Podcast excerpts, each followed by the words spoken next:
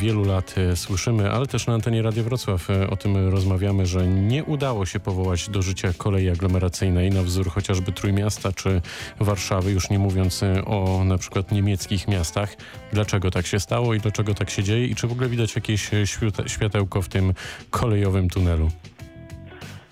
Ja może się skupię tym razem na tym, co dzisiaj i co jutro w tym temacie, bo rzeczywiście e, wałkowaliśmy również na antenie e, Radia Wrocław ten temat wielokrotnie, e, rozkładaliśmy na czynniki pierwsze, ale to, co dzisiaj, to znowu wyniki panelu obywatelskiego, bardzo mocne zwycięstwo kolei w panelu. E, różne rekomendacje panel e, zaproponował panu prezydentowi do realizacji. Przypomnijmy, wszystko co miało powyżej 80% głosów e, przechodzi do realizacji, bo taka była polityczna deklaracja prezydenta Sutryka.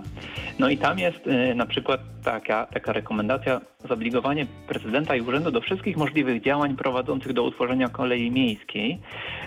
To jest wprawdzie perspektywa tylko Wrocławia, ale to też z, z naszych rozmów między innymi e, z Piotrem Rachwalskim, byłym prezesem Kolei Dolnośląskich e, i z innymi, e, i z innymi kolejarzami. Wynikało jasno, że jeśli Wrocław rozpocznie działania i postawi na kolej miejską, to bardzo szybko okaże się, że te gminy, które są dookoła, one się do Wrocławia zgłoszą i powiedzą, chcemy, żeby ten wasz pociąg, który na przykład jedzie z Leśnicy na Główny albo z Psiego Pola na, na Główny, żeby on zaczynał u nas żeby zaczynał w Środzie Śląskiej albo w Oleśnicy.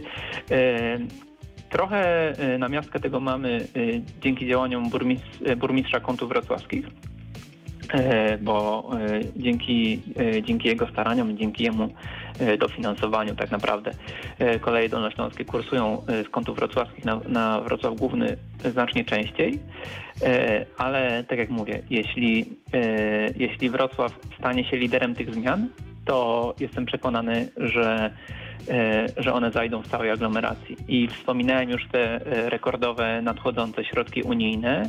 E, było już, były już wstępne zgłoszenia projektów do, do jednej z dwóch pól budżetowych i tam marszałek województwa zgłosił bardzo dużo inwestycji kolejowych, również taborowych, więc mam nadzieję, że, że wiele z tych planów zostanie zrealizowanych. Jak będzie tabor, to okaże się, że, że trzeba go puścić częściej.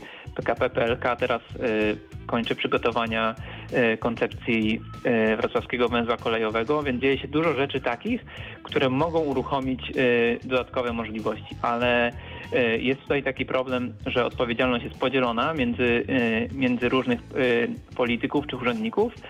Potrzeba lidera tych zmian.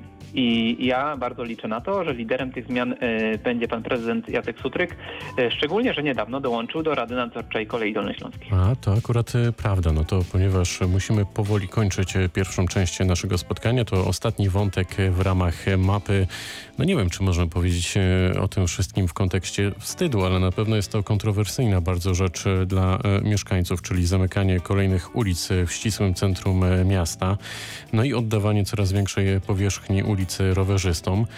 Czy na tym etapie to jest słuszny kierunek? Aż nam zgasło światło na moment w studiu z tego wszystkiego. E, nie zgadzam się e, w żadnym wypadku, że to jest wstyd. E, wydaje mi się, że skala inwestycji rowerowych we Wrocławiu nie jest jakaś specjalnie ambitna. Gdyby była, to też być może właśnie panel obywatelski, który jest, przypomnę, najnowszym wrocław, wrocławskim barometrem opinii publicznej, nie poparłby tak stanowczo rowerów. Poparł tramwaje, poparł kolej, poparł rowery, domagając się dodatkowych inwestycji rowerowych, więc oby tego było więcej, bo no, po prostu to jest tworzenie alternatywy wobec samochodu. I jasne, e, mamy, e, mamy problem we Wrocławiu z e, liczbą samochodów. W dużej mierze to jest spowodowane mm, tym, ile, ile do miasta samochodów wjeżdża. Rozwiązaniem, jednym z rozwiązań jest właśnie kolej aglomeracyjna, ale wydaje mi się, że też ruch samochodów jest jaki jest, bo w całym mieście można parkować za darmo w praktyce. E, to wynika z tego, że e, Wrocław kompletnie e, wywiesił białą flagę, poddał się w 100%, jeśli chodzi o walkę z nielegalnym parkowaniem. Taką walkę zapowiadał mniej więcej półtora roku temu prezydent Sutryk. No już prawie Efektem dwa jest... lata temu, kiedy był zaprzysiężany, bo to już będą dwa lata prawie. Tak, i efektem, e, e, efektem tej wojny jest e, jedna założona blokada przez Straż Miejską przez cały sierpień. No to jest kuriozalny wynik.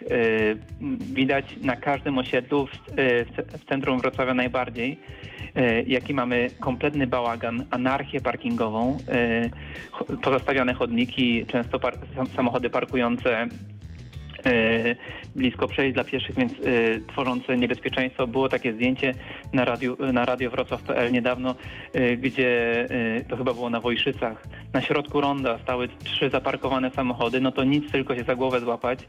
E, no ale niestety taka, taka jest mieszanka A ja e, nawet poli- wiem, złej polityki przestrzennej wiem, w którym złej polityki miejscu. transportowej, no właśnie, i, e, i braku aktywności Straży Miejskiej, e, więc niestety chodniki są anektowane przez, e, przez parkujące samochody, tak samo jest z zieleńcami. Potem niestety wszyscy to płacimy, bo e, te chodniki i te zieleńce trzeba e, odnowić, wyremontować, e, a w dużej mierze na to środki trzeba przeznaczyć z, z budżetu miasta.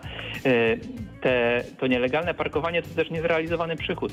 My uruchomiliśmy musimy, licznik Straży musimy Miejskiej. postawić kropkę. Pokazujemy, że kilkanaście, kilkadziesiąt milionów w skali roku y, miasto traci na tym, że Straż Co za nic nie gość. Nie chcę skończyć mówić. Dobrze, to w tej chwili kłaniamy się nisko, wracamy za kilka minut.